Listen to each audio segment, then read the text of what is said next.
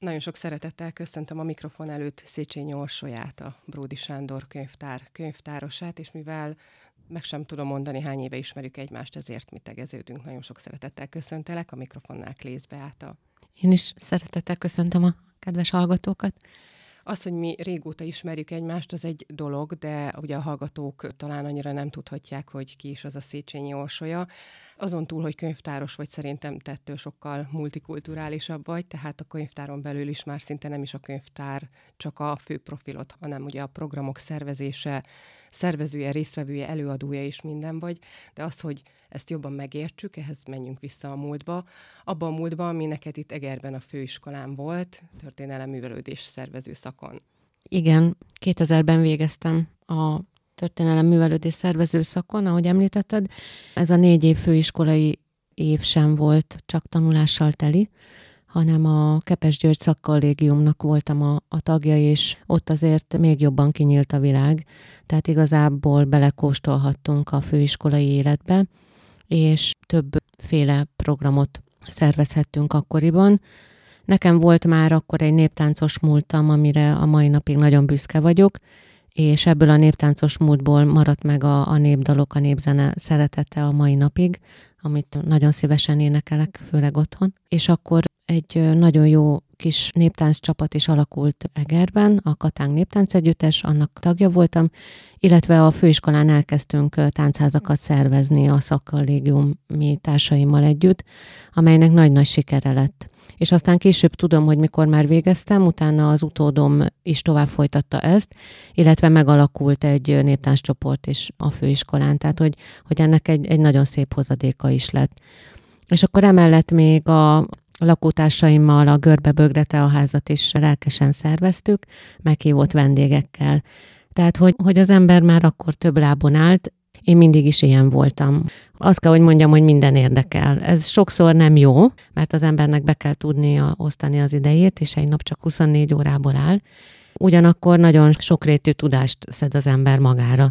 És hát közben természetesen a történelem, illetve a művelődés szervező szakon is nagyon sokat tanultunk, nagyon jó tanáraink voltak. Nemrég volt a történelem szakon egy, egy nagyon jó kis szakest, és ott, ott a Pap József tanár úr kért föl, hogy meséljek ezekről az évekről, és, és tényleg nagyon sok olyan dolgot tudtam összeszedni, ami aztán később a, a javamra vált, és ez a mai napig így van, és, és az meg külön koronája ennek az egésznek, hogy a, a könyvtár, illetve a Tudományi Intézet közösen szervez egy olyan programsorozatot, a sorsfordulók, sorsfordítók történelmi szemelvények, ahol ugyan a, az akkor tanítók már, már sajnos nyugdíjba mentek, de a, a most ott oktatók is egy nagyon színvonalas és remek előadásokat hoznak mindig, élvezetőket hallgatni. Én azt mondom, hogy az egyik leglátogatottabb programunk a könyvtárban, és nagyon-nagyon színvonalas, és folyamatosan nagyon színvonalas. Már szinte vissza is csatoltunk a jelenbe, ugye a múltból, a történelem és a művelődés szervező szakból, igen, ahogy a program szervezésekkel vezettelek fel az elején, ugye a művelődés szervezés az, ami inkább jobban benne maradt az életedben, akarva akaratlanul, de ugye az első utad még neked nem a könyvtárba vitt. Igen, megmondom őszintén, hogy a leges-legelső utam egy általános iskolába vezetett, mert én nagyon szerettem volna tanítani. Tehát én emlékszem arra, hogy, hogy középiskolában, amikor már szintén táncházakat tartottam, hogy, hogy megvolt ez bennem, hogy átadni azt a tudást, és ez, ez úgy megvan a mai napig is, hogy amit az ember megszerez, egy kicsit nyilván hozzáolvas, és még jobban fejleszti a tudását, hogy ezt mindig átadni, és ezt tudom, hogy hordozom magammal már, már középiskolás korom óta. Én nagyon-nagyon szerettem volna tanár lenni, de akkor ez nem adatott meg a 2000-es évek elején, és akkor hát egy jó kis kanyarnak köszönhetően végül is jutottam el a Vármúzeumban, és ott 12 évet dolgoztam. Azt is nagyon-nagyon szerettem és aztán, aztán pedig úgy döntöttem, hogy mégis új életet kezdek, és nagy-nagy szeretettel befogadtak a könyvtárba. Igen, és a, a könyvtári kezdetekkel nem tudom, hogy automatikusan együtt jár-e azt, hogy akár ha van is diplomát, de ha nem szakirányú, akkor kell egy könyvtárs szakot szerezni, és hát te megszerezted, nem tudom, hogy ez kötelező volt-e, vagy azért te is úgy érezted, hogy muszáj ebben elmélyülni. Én annak vagyok a híve, hogy ez sokszor és sokat mondott lifelong learning, az élethosszig tartó tanulás. Erről már, már évekkel ezelőtt tanultunk, hogy ez nagyon fontos. Én tényleg így gondolom. Tehát, hogy az ember folyamatosan tanuljon. Igen, ahogy, ahogy említed, a Tőzsér István igazgató asszony azt kérte, hogy a segédkönyvtárosi tanfolyamot mindenképpen végezzem el. Ez mindenkitől elvárás, aki a, a könyvtár berkein belül dolgozik de aztán nem bírtam magammal, és engem vonzott az, hogy akkor legyen egy egyetemi diplomám még, úgyhogy így az informatikus könyvtáros szakot is elvégeztem. Azóta már sok év eltelt, úgyhogy most megint azon gondolkozom, hogy, hogy még valamit tanulni, mert hogy tényleg hiányzik. Ugye azért a napi rutin az elveszi az ember idejét, de mindig jó kitekinteni egy-egy tudományágnak a, a berkeibe, és, és így voltam a, az egyetemi könyvtári szakkal is, hogy nagyon-nagyon sokféle területet ismertünk meg ez alatt a két év alatt, és ez hiányzik. És természetesen rengeteget profitáltam ebből a két évből, de vannak olyan területek, amelyre egyszerűen nem jut időm, mert más jellegű a munkám, viszont jó lenne még, még tanulni, igen. És hogyha valóban rászánod magad, és még egyszer nebulóvá válsz, akkor mi az a terület, amivel szeretnél foglalkozni, vagy ez még csak egy előre terv, hogy valami plusz kell a te agyadnak? Vannak terveim, abszolút. Az egyik, ami nagyon érdekel, az a, az a magyar szak, mert hogy, hogy nagyon szeretek beszélgetni emberekkel, moderálni kötetbemutatókat, és a, a történelem szakom az nagyon-nagyon biztos tudást ad ahhoz, hogy egy nagyon jó példát tudok hozni, Szeptember elején volt a Füzesabony története című kötetnek a bemutatója. Bocsi János ő Füzesabonyban lakik, egy amatőr helytörténész, de már nem is amatőr, mert már ő is elvégezte a, az egyetemet, és nagyon nagy lelkesedéssel kutatja a település történetét. Már több kötet is megjelent, és két kötetének lehettem a, a moderátora. Tehát ugye ilyenkor ez azt jelenti, hogy természetesen elolvassuk a, a kötetet, de ugyanakkor tudtam a, a történelem tudásomból reflektálni olyan eseményekre, ami mondjuk a Magyarországot vagy a nagyvilágot érintette, de érintette Füzesabonyt is. És akkor tudtunk párhuzamokat hozni. Tehát, hogy ez az embernek ad egy biztonságot. Természetesen utána kellett dolgoknak olvasnom, ennek ellenére is, de hogy ez egy olyan meglévő tudás, amire bármikor tudok építkezni, viszont nagyon-nagyon szeretek olvasni szépirodalmi műveket is, és azért azt a hiányosságomat látom, hogy hogy nincs egy magyar szakom, amire tudnék építeni, és átlátnám a, a magyar irodalom történetét, ebben látom most a hiányosságomat, ami nélkül tudok dolgozni, de mégis az embert hajtja egy ilyen vágy, hogy de jó lenne, hogy reflektálni dolgokra, és most ez van a fejemben, de, de vannak még terveim, igen ez egyfajta belső igény, hogy, hogy bár elég sokat tanultál, tehát tényleg van három diplomát, de akkor is az, hogy egy adott beszélgetésből, egy ilyen moderálásból, vagy bármiből tényleg, hogyha csak egy, egy olvasó bejön és megkérdez valamit, milyen jó az, hogy az ember tényleg szakszerűen tud válaszolni, és, és nem kell ahhoz tényleg a világirodalom összes remekét tudni, mert ezt te autodidakta módon is olvasgathatod, de hogyha mondjuk ezt egy szakember, tényleg egy irodalomtörténész tanítja meg, akkor talán más szemszögből is lehet látni a dolgokat, és máshogy értelmezni. Ugye, ahogy említettem, te itt a könyvtárban tényleg egy mindenféle tevékenységet folytató multikulturális ember vagy, és valóban igen, most én is itt rakom össze a kis mozaik darabgákat, hogy azért neked ez a művelődés szervező éned ugye a, a néptánc. Tehát, hogy ezek mind-mind közösségekkel foglalkozó, közösségformáló tevékenységek, ezt te hoztad otthonról. Azt elfejtettük mondani a beszélgetés elején, hogy nem egri vagy, hanem te Nyíregyházáról kerültél Egerbe, de valamiért hál' Istennek megszeretted a várost, és itt maradtál, munkát, családod ideköt. Mi az, ami a könyvtárban számodra megadta azt, a, azt az érzést, hogy köszönöm, én most a helyemen vagyok. Tehát nem a pedagógus pálya, nem a Vármúzóban eltöltött évek, de most én ezt úgy jelentem ki, mint aki tényleg évek óta ismert téged, és azt látom, hogy te most valóban a helyeden vagy. Jól látom? Igen, abszolút, és, és köszönöm szépen, igen. Ezt a sokrétű tevékenységet, ezt abszolút támogatja a könyvtár vezetősége.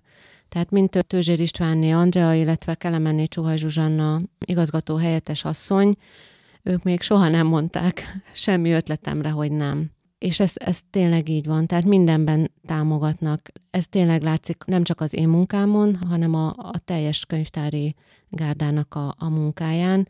Tehát teret adnak, támogatnak. Tényleg nem volt még olyan, hogy azt mondták, hogy, hogy nem, esetleg csak annyi, hogy, hogy ha belefér az időmben. Tehát, hogy mindig figyelmeztetnek, hogy ne vállaljam túl magam, hanem annyit, amíg a, a takaró ér.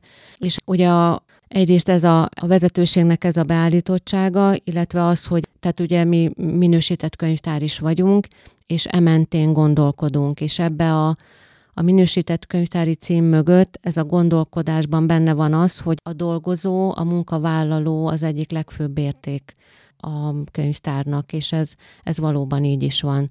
Tehát a, a kreativitásunk, a, az innovációink mind teret kapnak a, a munkánk során, és tényleg ebben a színes programkínálatban az, hogy mindig megújulnak a szolgáltatásaink, az, hogy abszolút a, a felhasználói igényekre reagálva kínáljuk szolgáltatásainkat, azt figyelembe vesszük, tehát ez, ez tényleg a mindennapi munkánk része, ezt, ezt abszolút örömmel és, és nagy nagy büszkeséggel mondom.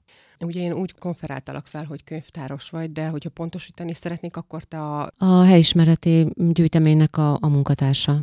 Megosztok egy nagyon pici személyes élményt. Ugye két éve önkénteskedtem a saját tanulmányaim miatt a könyvtárban, és akkor láttam, hogy tényleg nem pusztába kiáltott szó, amit mondok a te örökki zsesgő, de semmiképp nem pejoratív értelemben, hanem hogy állandóan tevékenykedő énedet láttam, hiszen ott a helyismeretben dolgoztunk együtt, katalogizáltunk, címkéztünk, közben elszaladtunk Poroszlóra, mert ott éppen egy pál utcai fiúk drámapedagógiai foglalkozást tartottál, és ezt is el kell, hogy mondjam a hallgatóknak, mert te valószínűleg nem mondanád el szerénységből, hogy ezt a társasjátékot, ami a pál utcai fiúk tanulmányokhoz kapcsolódik, ezt abszolút te találtad ki, te ötletet, tehát az innováció, az ötletelés az bőven megy, de ezen túlmenően tényleg a moderálások, akkor most per pillanat tudom, hogy a, a fénytorony az egykori Csabokszári, ma északi lakótelepnek nevezett területen ugye nagyon sokáig volt, akik ott éltek, de ha nem is éltek ott, egriek tudják ezt a fénytornyot, ezt a Dargai Lajos féle fénytornyot most újra felelevenítitek, lesz egy konferencia, bár mondjuk ez a beszélgetés, amikor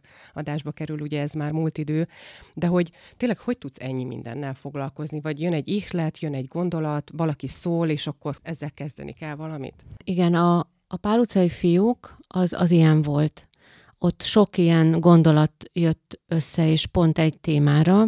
2015-ben indult a Könyvtár Mozi projekt, ami egy országos projekt volt, az Informatikai és Könyvtári Szövetség indította, és ebben a könyvtár moziban a magyar film történetnek a legértékesebb filmjei tekinthetőek meg.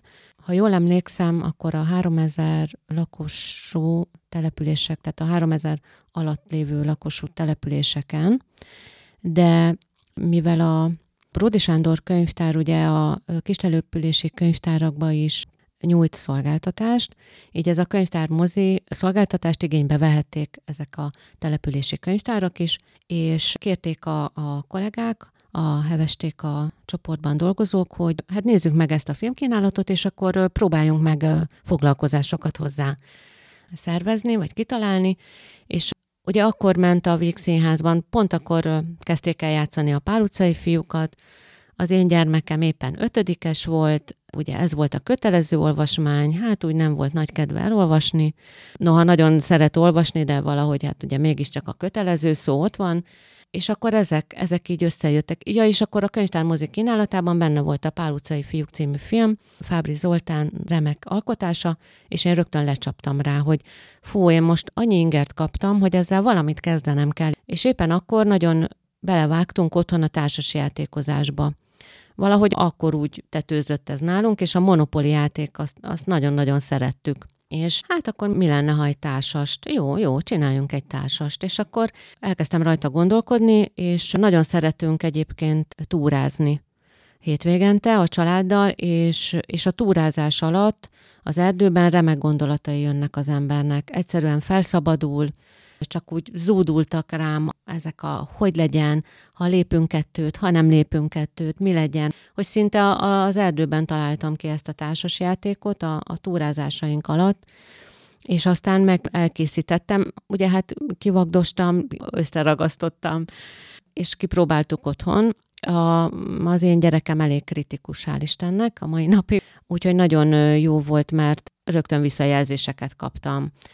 És aztán be tudtam mutatni a kistelepülési könyvtárosoknak szerveztek a kollégák egy szakmai napot, és akkor, akkor rögtön ki is próbáltuk a társas, tehát jöttek abszolút a visszajelzések, és aztán aztán alakítgattam még rajta, mert például olyan hibák voltak benne, hogy túl sok volt az olyan játékmező, ahol bocsánat, de valami büntetés volt, tehát lép vissza két mezőt, vagy kimaradsz egy körből, és amikor van egy ilyen játék, egy közös játék, sőt, hozzáteszem, amikor ugye végül is a gyerekekkel frontálisan játszom ezt a játékot, tehát nem körbeüljük az asztalt, hiszen egy 30 fős osztálynál erre nincs lehetőség, az teljesen másképp hat, mert mindenki játszani akar, és folyamatosan játszani akar, tehát ezeket a mezőket kivettem belőle, egy ilyen marad benne, de az is nagy csalódás, ha valamelyik csapat arra a mezőre lép. Az egy olyan mező, hogy métázol a grundon, ugye ez is a, a regényből van, kimaradsz egy körből.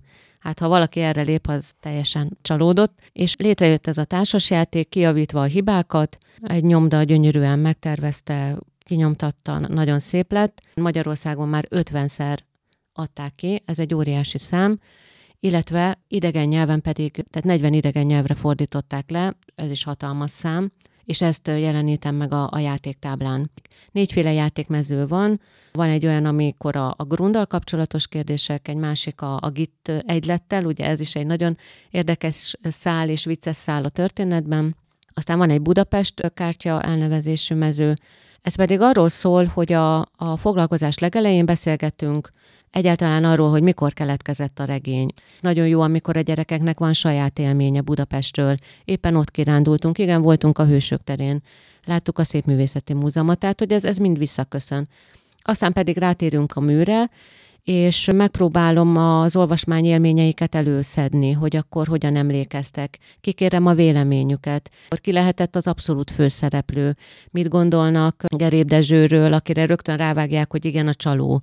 Igen, igen, csaló, de miért lett csaló? Miért állt a vörösingesekhez? Tehát, hogy belemegyünk ilyen kérdésekbe, és mivel könyvtári foglalkozás, ajánlok nekik olyan könyveket, például van egy nagyon jó rajongói kézikönyv a Mésző Jágnes tollából, ahol ilyen rengeteg háttérinformáció van. Tehát aki tényleg szereti a regényt, annak szívből ajánlom. Mindig eljátszunk azzal, hogy melyik szó szerepel a legtöbbször a regényben, és akkor a boka neve. Tehát biztos, hogy nem azt mondanánk először. És ajánlom nekik, ugye felépítették Budapesten a grundot, hogy menjenek el, nézzék meg, illetve a szereplőkről készítettek szobrokat, az is, az is nagyon jó, lehet velük fényképezkedni, hogy egy kicsit sétáljanak ott, ahol, ahol maga a regény is játszódott. Úgyhogy ő lett belőle egy ilyen nagyon-nagyon szerintem egy igazán élmény alapú foglalkozás, ami úgy látom, hogy segíti a pedagógusokat, illetve a visszajelzések alapján ezt kapom, és nagyon sokszor kérik úgy a pedagógusok, hogy vagy egy összefoglaló óra előtt, vagy ha jól megírták a diákok a dolgozatot, akkor egy ilyen jutalomóra, és hogy az, az feledhetetlen, szóval együtt játszani, már nem akarnak elmenni a végén, de még, még dobok egyet, de még válaszolok valamire, Szóval, hogy nagyon interaktív lett, és, és azért ezek az embert boldogá teszik, illetve abszolút inspirálják arra, hogy, hogy további ilyen játékokat találjon ki. A Pál utcai fiúk, én azt gondolom, hogy tényleg gyereknek, felnőttnek hatalmas élmény, akkor nem csak regényből, filmből, Vix színházi, vagy bármilyen színházi előadásból, országszerte amúgy több színház is játszotta talán a Veszprémi Pannonvár színház, és szerintem máshol is. Milyen egyéb könyvtári foglalkozásokat tartasz még? Nagyon szeretem a, a foglalkozásokat, és elég széles a repertoárom. Megpróbálok mindig reflektálni a, úgy az igényekre. Tehát így van egy illemtan foglalkozásom, ami első hallásra mindig azt mondják a gyerekek, hogy na, akkor majd most itt elmondom, hogy mit illik és mit nem illik, de aztán olyan jókat nevetünk, mert hogy ezt is játékos formában beszéljük meg, és igenis vannak, vannak olyan illemszabályok, amiket úgy nem is gondolunk, illetve ugye jönnek be az életbe új illemszabályok, mind a mobiltelefonnal kapcsolatban, hogy tényleg, hogy a messenger üzeneteinket hogyan kellene megírni, stb. stb. És pár évvel ezelőtt 2019-ben, ha jól emlékszem, indult az Én könyvtáram projekt, a Fővárosi Szabó Ervin könyvtár kezdeményezésével, és ez egy olyan projekt volt, hogy lehetett már meglévő könyvtári foglalkozásokat beküldeni, mint a programot, és több kollégám is küldött be ilyen már bevált és nagyon jól működő könyvtári foglalkozást, ilyen volt a, a Fanatic Readers például, vagy a gyöngyösi kolléganőnknek a Nagyra vágyó Fekete Rigó című foglalkozása, és ugyanakkor ezek a mintaprogramok fölkerültek egy honlapra. Ezt úgy kell elképzelni, mint annak idején mi tanárszakon, hogy írtunk egy részletes óravázlatot, ezek is így néznek ki, milyen kompetenciákat fejlesztenek, kiknek ajánlják a kollégák, illetve a, maga a foglalkozás nagyon-nagyon részletesen le van írva, mellékelve természetesen a segédanyagok. És mivel az én foglalkozásomat így nem fogadták be, mint a programok közé, ezért a Farkas Mártika, az akkori igazgató helyettesünk megkeresett azzal, hogy ha már nem fogadták be, nem lennék-e, mint a program kipróbáló, és hát én, én mivel tényleg nagyon szeretek gyerekekkel foglalkozni, ezért igen mondtam, és akkor került a kezeim közé a Varga Lilla, aki a fővárosi Szabó Ervin könyvtárnak a könyvtárosa, az ő tollából a büntény a könyvtárban, illetve a mágnás a gyilkosság. Ez a két foglalkozás, ez egy, egy foglalkozásnak tekinthető, de két modulos, tehát ketté lehet választani, és hát azt kell, hogy mondjam, hogy ez egy sikertörténet lett. A büntény a könyvtárban egy nagyon jó csapatjáték, tényleg a általános iskola felső tagozattól most, hogy összeszedtem, hogy kiknek tartottam már a gondozási központba, tehát az időseknek is kivittem egyszer, illetve felnőtteknek is, valamint a családi napot is tartottunk már ebből a Büntény a könyvtárban című foglalkozásból. Ez a projekt ez már lezárult, viszont múlt héten megrendezésre került egy szakmai konferencia, amely azokat a mintaprogramokat mutatja be, amelyek tényleg nagyon sok látogatót, könyvtárhasználót vonzottak, és hát nagyon büszke voltam arra, hogy, hogy az országból négy embert hívtak meg, és az egyik az, az én voltam. Beszélhettem arról, hogy tényleg ajánlom ezeket a foglalkozásokat. Ezek egy nagyon jól kitalált, tényleg jól átgondolt és abszolút kompetencia fejlesztése alkalmas könyvtári foglalkozások, és nyugodtan mondhatom, hogy a, a köznevelést is támogatja, tehát, tehát teljesen beépíthető a, a tananyagba is.